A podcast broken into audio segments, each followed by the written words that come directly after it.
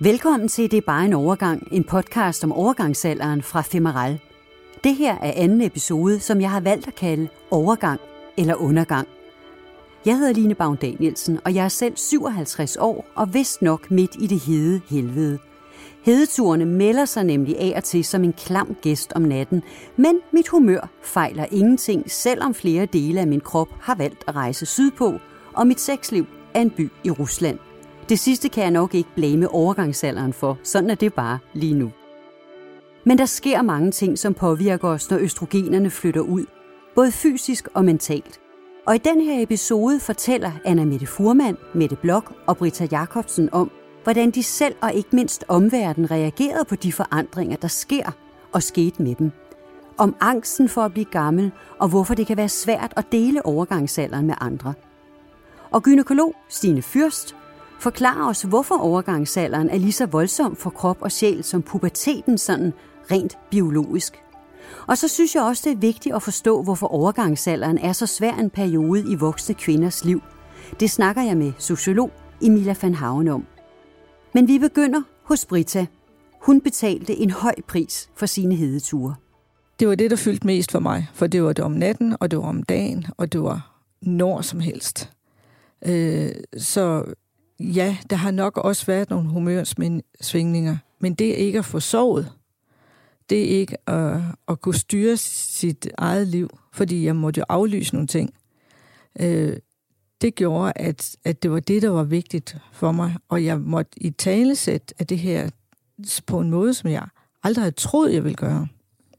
Det pinlige, det er, at jeg har faktisk, hvis jeg skal være helt ærlig, når jeg har hørt om andre fortælle om, at de, ja, de fik så meget sved, at de havde ekstra tøj med, og de må køre hjem igen og sådan noget, så tænkte jeg, ja, ja, tag jer dig sammen, gør noget ved det, gå i helsekost, undersøg det, gå på nettet, gør noget. Mm.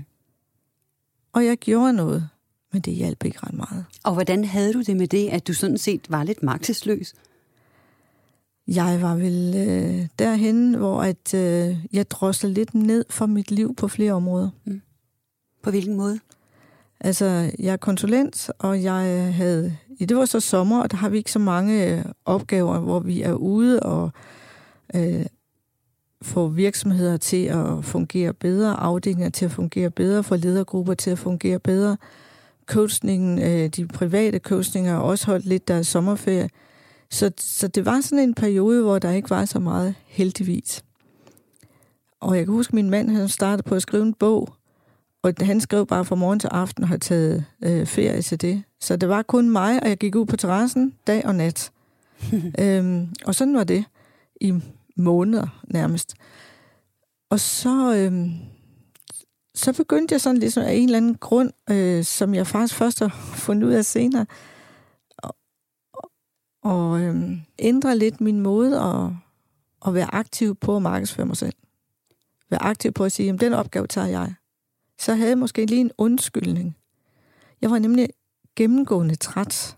Så du trak dig både ja. fra arbejdsmæssige sammenhænge og, og sociale? Nogle, også nogle sociale sammenhænge. Øh, jeg følte, jeg kun fungerede halvt. Ligesom efter en influenza, hvor du svært ved at komme ovenpå igen, hvor man simpelthen bare er gennemgående træt. Så der var kun én ting at gøre, det var at fortsætte med at søge og prøve osv. Så, videre. så alle de der ting, man kan nu læse sig til, og som jeg kunne på daværende tidspunkt finde ud af, det gjorde jeg så. Jeg gik også alene i øvrigt, og hun sagde, øhm, du kan få nogle piller. Og så sagde jeg, det tør jeg ikke. Jeg har mistet to veninder af brystkræft, og, og, og jeg har taget de hormoner, jeg skal tage ved at tage p-piller tidligere i mit liv. Det tør jeg ikke. Øhm, men det var det. Mm.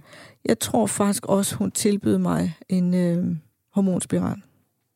Men det var jeg ikke parat til. Jeg ville ikke have flere hormoner ind. Men jeg må så sige, da der var gået to år, så var jeg ved gynekologen, den samme gynekolog igen. Og det første, hun gjorde, så var at nu sætter jeg den der spiral op. Og hvordan var, hvordan var øh, din, din livskvalitet, eller dit liv der, to år inden i, i, i overgangsalderen? Jamen, jeg vil sige, at den var sat lidt på dvale, men så er det heller ikke værre. Fordi jeg synes, jeg har et godt liv og har haft et spændende liv. Men jeg drosler ned på nogle ting. Men jeg kommer også til at tænke over, hvad er vigtigt i mit liv? Mm. Og det var måske også en, en vigtig ting at ligesom sige, okay, nu er, jeg, nu er jeg her, og nu er nogle ting, der forandrer sig. Hvad jeg vælger med resten af mit liv? Så det startede faktisk øh, ja. på det tidspunkt. Og det er jo godt en gang imellem lige at stoppe op. Men lad mig lige vende tilbage til, du går på arbejde, du begynder at trække dig lidt i nogle arbejdsmæssige sammenhænge, fordi du ikke helt kan styre det, der sker med din krop. Hvem talte du med om det her på dit arbejde, for eksempel? Jeg talte faktisk ikke med nogen. Jeg er konsulent og arbejder som konsulent for øh, et firma eller to og mit eget. Og jeg husker en episode, hvor jeg ikke talte med nogen om det. Jeg står med en ledergruppe, en le, øh, hvor vi har ændret til at være et meget bedre sted at gå i skole, og et meget bedre sted at være lærer, et meget bedre sted at være, være leder. Og vi står med hele den her gruppe, og den sidste dag, hvor vi har den øh, over flere dage, så, siger, så er jeg i gang med at introducere en øvelse, og så begynder kroppen at ryste. Selvfølgelig sveder jeg. Selvfølgelig bliver jeg rød. Men jeg begynder også at ryste indvendigt. Mm. På daværende tidspunkt, der tænkte jeg, de tror ikke på, at jeg kan alt det, jeg kan. Og det, der sker der, det er, at jeg faktisk får noget af det gamle, du er ikke god nok. Og det har jeg brugt nogle år på at finde ud af, at det var jeg jo faktisk. Mm. Jeg vidste det jo godt, men den, den kom igen. Nu fortæller du sådan meget ærligt om, at det her kostede på din arbejdskonto, at du ligesom droslede ud af dit arbejde. Det har også haft en anden fysisk omkostning, fordi rent faktisk sker der jo også nogle andre hormonelle ting, der påvirker for eksempel vores knogler. Du har fået osteoporose. Ja, og øh, det skulle man ikke tro, man kunne få, når man øh, kommer meget sent i overgangsalderen. Fordi så tænkte jeg, at det får jeg ikke. Og faktisk så troede jeg ikke, at jeg ville have problemer med overgangsalderen, fordi min mor øh, fik mig som 41 år og var, kom ikke i overgangsalderen. Og jeg har aldrig haft problemer med menstruationer. Så jeg havde egentlig tænkt, det får jeg ikke. Men jeg kan godt se tilbage på, at jeg kunne have trænet noget mere. Jeg kunne have, jeg kunne have spist lidt anderledes. Øh, jeg kunne have gjort mange andre ting. Det ligger også i, i generne, det med knogleskørheden. Så ja, den har jeg lige nu, og jeg øh, tror, at jeg faktisk kommer øh, fint igennem den, fordi jeg jo via alt det nørderi i ind- og udland nu, øh, finder ud af, hvad jeg reelt kan gøre. Og jeg får dyrket emotion. Mm. Og jeg får taget øh, mange af det kost, kosttilskud. Og meget andet. Så øh, det er så noget, der er kommet, men det er jo ikke ens betydende med, at øh, det ødelægger noget i længden. Jeg skal bare passe på, og jeg skal være meget, meget ops på ikke at sidde igen på en stol i 80 timer om ugen. For Brita havde overgangsalderen altså konsekvenser, både fysisk, men også for hendes arbejdsliv. Og for Anne Mette, som er journalist, har overgangsalderen også indimellem føltes som en undergang. Anna Mette, du har sagt, at øh, overgangsalderen kunne man også kalde for en, en undergang. Hvordan ja. Øh, reagerede din omverden på, at du kom der som 44-årig og fortalte, øh, hvis du fortalte det, at du var i overgangsalderen? Jamen altså, min omverden reagerede på min, øh, på min overgangsalder ved at, at være et stort måbende ansigt. Altså, og det var jo ikke særlig fedt for mig. Jeg blev håbe, at de havde sagt, ej, er det rigtigt? Nej, mm. hvor spændende. Men alle var jo bare sådan, nej, det kan da ikke passe så tidligt. Ej, det var dog helt vildt. Og fordi jeg ikke øh, har nogle andre veninder, som er i overgangsalderen lige nu, altså sådan tætte veninder, så øh, var jeg ligesom den første. Så de begyndte jo bare at spørge mig, mm. Nå, hvad har du gjort, og hvad, hvad skal du så, og hvad, hvordan påvirker det dig så, og hvad skal du... og jeg anede det jo ikke. så de reagerede egentlig mere med, med vantro, sådan, gud, eller også lidt, ej, så kan det jo også ske for mig lige om lidt. Shit, mand. Men, men hvor åben var du om det? Hvem fortalte du det til? Jamen, jeg fortalte det til alle, der gad at høre noget om det.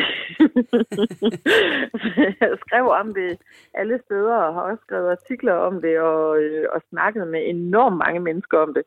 Øh, simpelthen fordi det er den måde, jeg fungerer bedst på. Ved at bare øh, fortælle vidt og bredt om det, fordi så får man også bare rigtig mange forskellige tilbagemeldinger tilbage, som man ligesom så selv kan forholde sig til. Du ved, hvad virker for mig? Skulle mm. jeg prøve noget nyt? Eller hun har gjort det her, og skulle jeg prøve det i stedet for? Sådan, du ved, man er jo meget undersøgende i starten.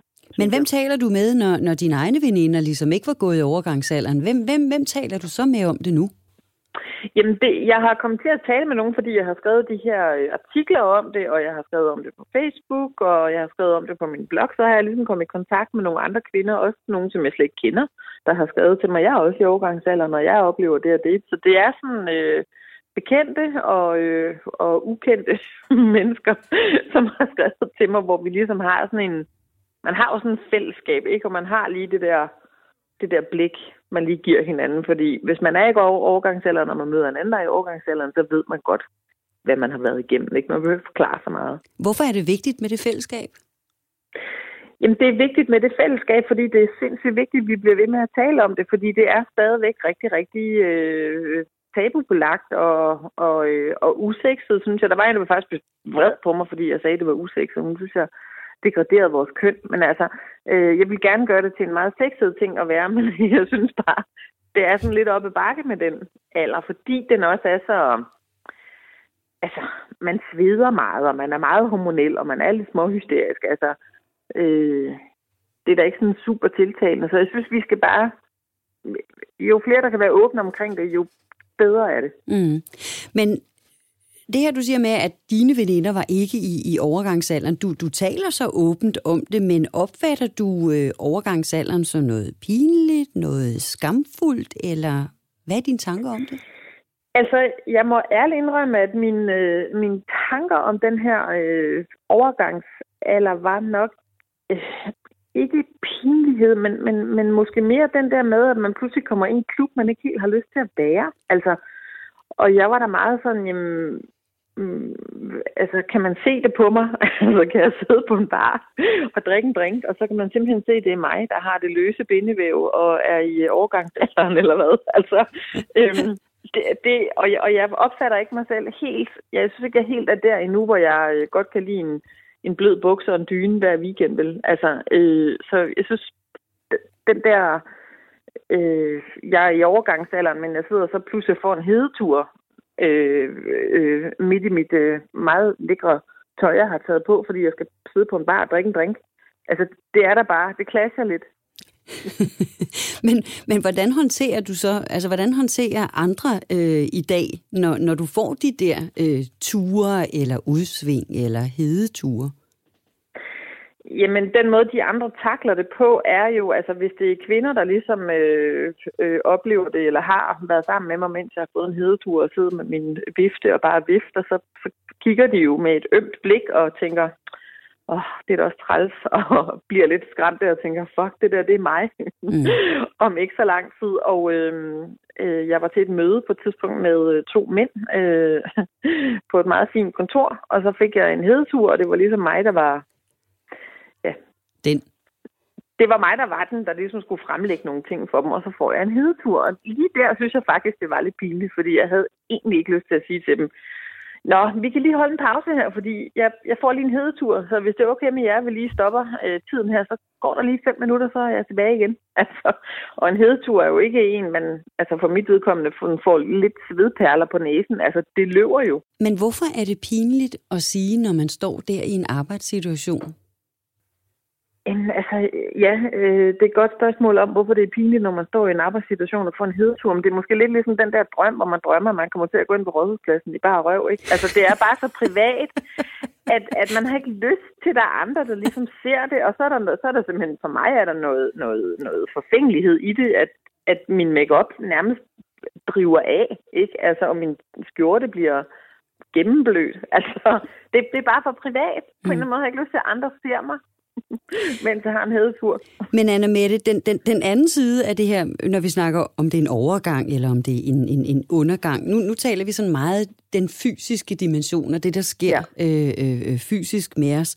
Der er jo også det mentale, altså det her med, om der er en sorg forbundet med at være her, hvor, hvor vi er i livet, og man bliver mere ked af det eller deprimeret.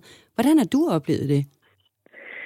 Jamen, hvordan, åh, hvordan har jeg oplevet den der mentale overgang? Altså, øhm, jeg har været lidt trigget af det, fordi jeg øh, efter fødslen af mit andet barn oplevede sådan en enorm PMS-påvirkning. Øh, øhm, og og, og jeg, det er jo det, der er så tricky med overgangsalderen. Man ved faktisk ikke rigtig, hvornår det går i gang.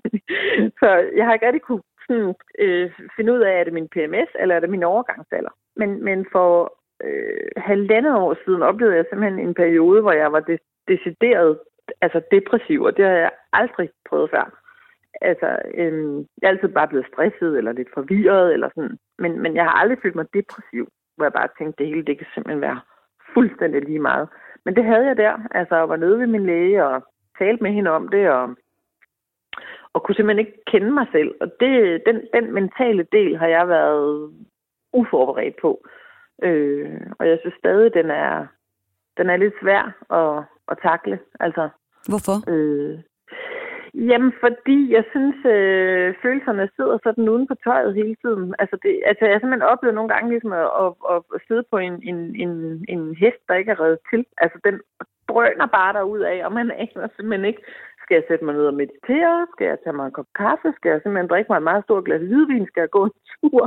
Altså, det, det, det, det er en regulering af, af det mentale af ens sind, som jeg synes er, man halter lidt bagud, fordi de der humørsvingninger i hvert fald er kommet meget bag på mig.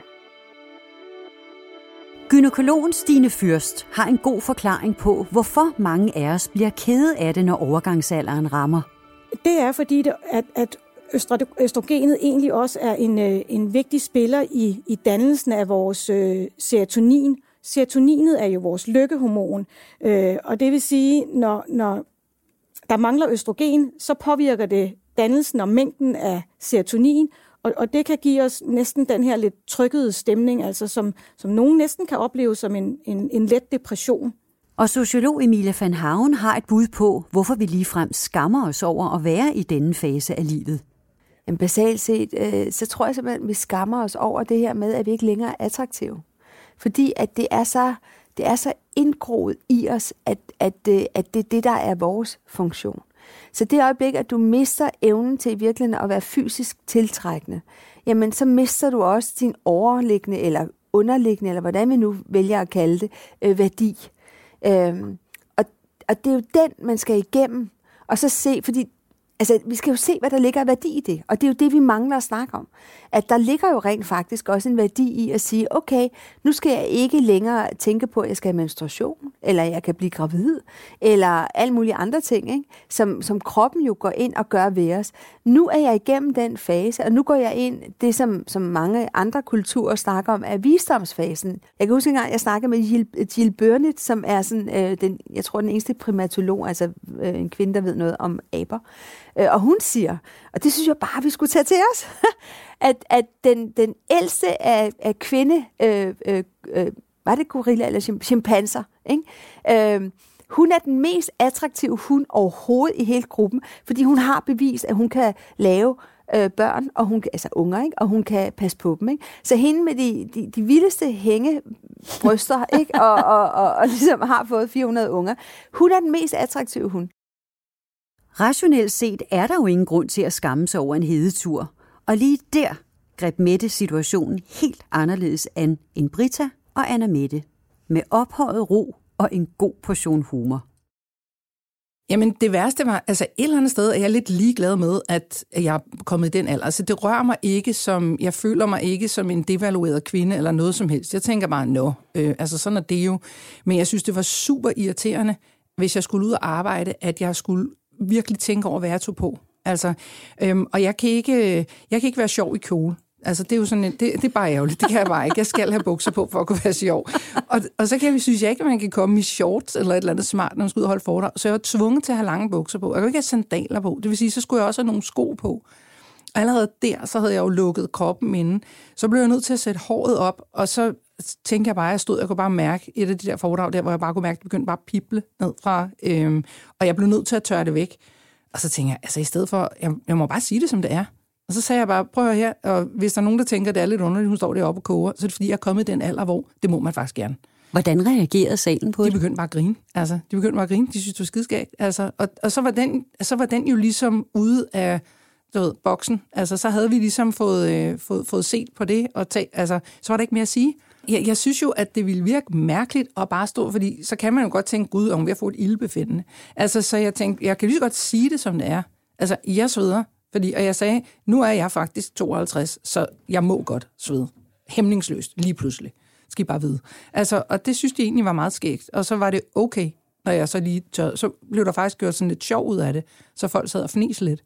Er det så blevet nemmere for dig selv, når du nu ligesom har øh, hejst flaget og sagt, yes, jeg er med i overgangsalderklubben? Ja, fuldstændig. Altså, fordi jeg er ikke, øhm, altså, jeg er egentlig ikke, gen, altså, jeg er ikke generet over det. Det, øhm, altså, det er selvfølgelig irriterende at få det varmt lige pludselig. Det ved alle, der har, altså folk, der ikke har prøvet det her, ikke? Altså, glæder jeg. det er bare mærkeligt. Øhm, så det, det er jo en dejlig overraskelse at få, ikke? Men, øh, men altså, det, det er jo ikke sjovt at få den der hedetur, fordi det er virkelig for varmt. Altså, det, det er det bare. Altså, man tænker lidt, kunne vi ikke lige have justeret temperaturen lidt, så man bare holdt op med at fryse? Men nej, det enten eller, ikke? Mm. Og så fryser man jo lynhurtigt bagefter, så det har været, altså det er anstrengende, men jeg er ikke, altså, jeg er ikke generet over for andre. Og måske er Mettes opskrift på, hvordan man kan håndtere situationer, hvor heden pludselig vælter op i en, overhovedet ikke så tosset. Emilia van Haven er selv i overgangsalderen og gør sig mange overvejelser om, hvorfor hun ikke ligefrem skilter med det. Jeg er på en rejse ind i, hvad er det egentlig, de vil sige. Fordi jeg har også oplevet flere gange, at jeg gider simpelthen ikke at sige, du ved, uh, puh, nu får jeg en hedetur. Fordi jeg ved, at det sætter mig i en kategori, hvor jeg bliver svag. Og det har jeg ikke lyst til. Øh, men jeg har heller ikke lyst til at gøre det til en stigmatisering. Det vil sige, at jeg taler ikke om det som om, at Nå, nu er jeg i overgangsalderen, nu er jeg på vej til at blive gammel. Jeg vil hellere sige det sådan, at, at, at det er en periode, hvor jeg er på vej ind i en ny fase af mit liv. Og det er derfor, jeg siger, at jeg er i gang med at undersøge jer, fordi jeg prøver forskellige måder at udtrykke det på, for ligesom at se, hvordan virker det på andre mennesker. Fordi jeg kunne godt tænke mig at udtrykke det på en måde, så man faktisk ser en frihed i det, en styrke i det, en, en, en naturlig, uundgåelig fase, som ikke nødvendigvis er negativ, men som bare er en udvikling. Overgangsalderen kan altså være voldsom ved os, både fysisk og mentalt. Hedeture, nattesved og træthed er det, vi især har hørt om i de første to episoder. Men overgangsalderen er meget mere kompleks. Det er også så noget med tørre slimhinder, dårligt sexliv, ømme led og risiko for knogleskørhed, som Brita er ramt af. Og selvom det ikke er vores skyld, og der ikke er nogen enkel forklaring på det, så skammer mange kvinder sig over at være lige præcis her i livet, hvor østrogenet forlader vores kroppe og placerer os i et nyt kapitel. I næste og sidste episode af Det er bare en overgang kigger jeg nærmere på, hvad vi selv kan gøre for at nedbryde tabuet. Og sammen med Brita, Anna Mette og Mette og mine dygtige eksperter, hejser jeg flaget for alt det gode, der er ved at være nået dertil i livet, hvor man hverken bløder eller kan blive gravid. Episoden hedder En ny kvinde, og jeg håber, du vil lytte med.